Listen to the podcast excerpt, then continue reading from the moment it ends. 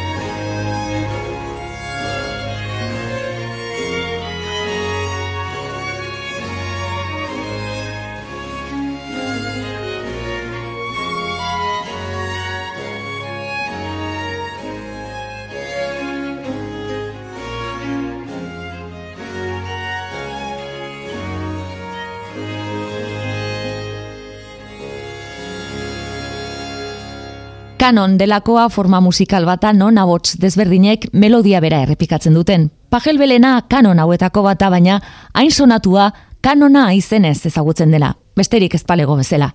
Musika klasikoaren pieza ezagunenetako bata baina egun ez sinestekoa dirudien arren historian zehar aztua eta galtzeko zorian egontzen. Joan den mendeko irurogeita amarrekoa markadar arte. Bertsio geldotu hau zabaldu zen, pajel belena ezpaitzen inondik inora hain romantikoa eta gaur arte, variazio eta moldaketa gehien dituena da. Harmoni universalen eskutik entzun dugu. Naiko universala bai, lau kontinentetako musikariek osatzen baitute. Klasikoak, eite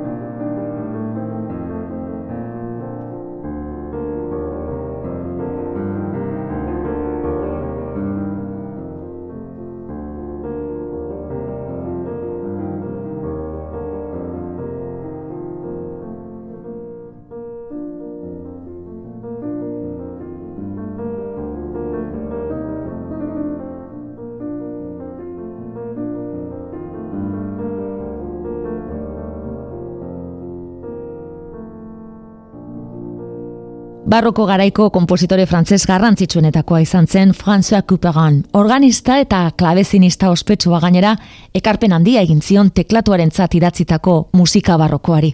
Angela Hewitt pianistaren emanaldian entzun dugu, lebarikat misterioz izeneko lana. Kanadiarrak okerrekoan kasasi zuen 2008ko urtea. Bere pianoa erori eta bitan puskatu zen leku aldatze batean xokean geratu zela kontatzen du, eta dirudienez amar egun behar izan zituen istripuaren berri eman alizateko. Lagun baten hitzetan, gorputza bat galtzea bezala izan zen pianistaren zat. Klasikoak eite ben. Jarraian entzungo duguna, aino arte eta soprano tolosarra izango da. Pianoan lagun Alejandro Zabala.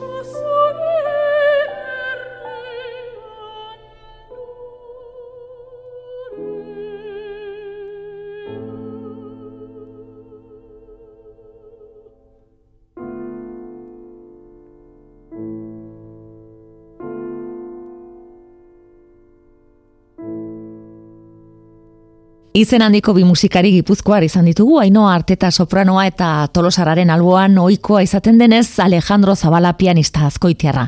Guri diren aritza darrean eskeni digute, kompositore gazteiztararen Amar Euskal izeneko bildumatik. Jesus Guridik kompositoreak Resurrección Maria de Azkueren kantutegitik hartu zituen melodia hauetako gehien txuenak. Tartean, Ainoa Artetaren agotzean entzun duguna. Klasikoak eite ben. Elgarren Salut d'Amour orain, Natalie Klein, txelista britainararen eskutik.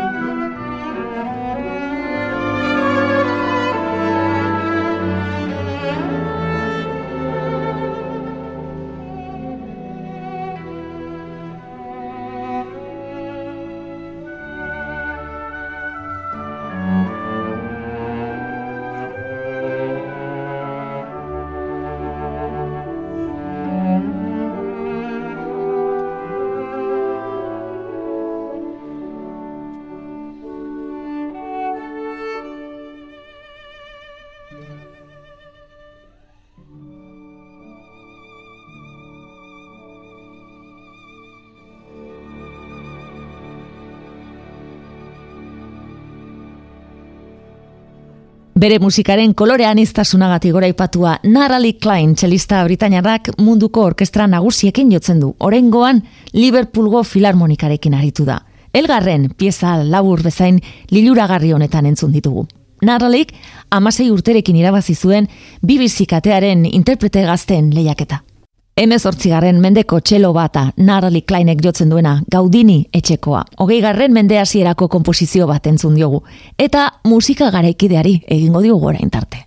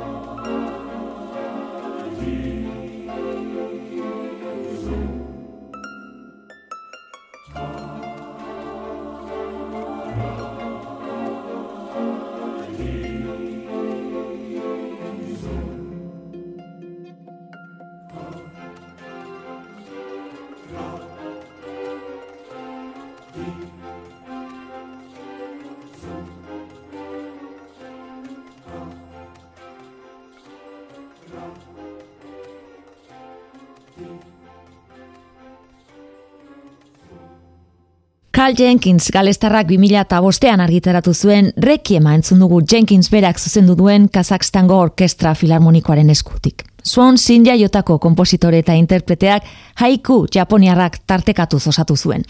Izan ere, jazz, rock eta new age taldeetan ibili izan den musikari eklektikoa dugu eta publizitate munduan iragarkietarako hainbat abesti famatu idatzi dituena gainera. Klasikoak eite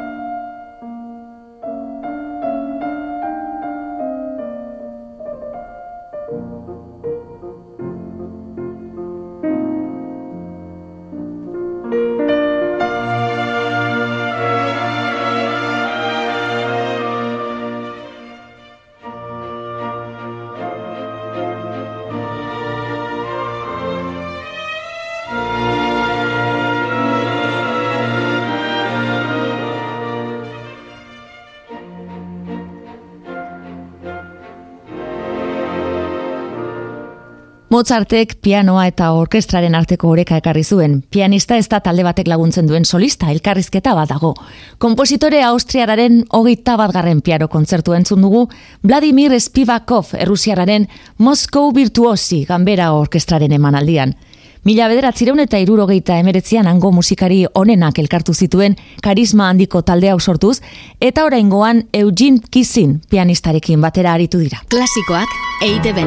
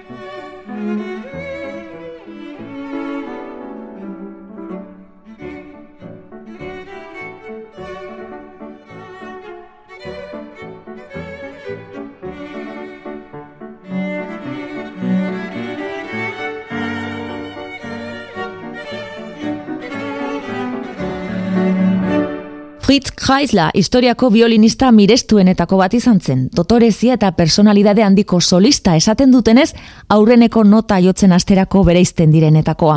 Virtuoso austriararen miniatura bat, Max Miniatur Bienuaz entzun dugu, Frantziako kapuzon anaien eskutik, malenkoniaz, betea.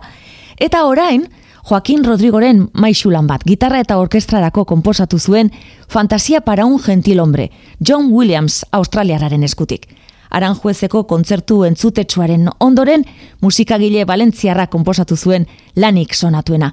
Williamsekin batera Filarmonia Orkestra ingelesa. Gozatu!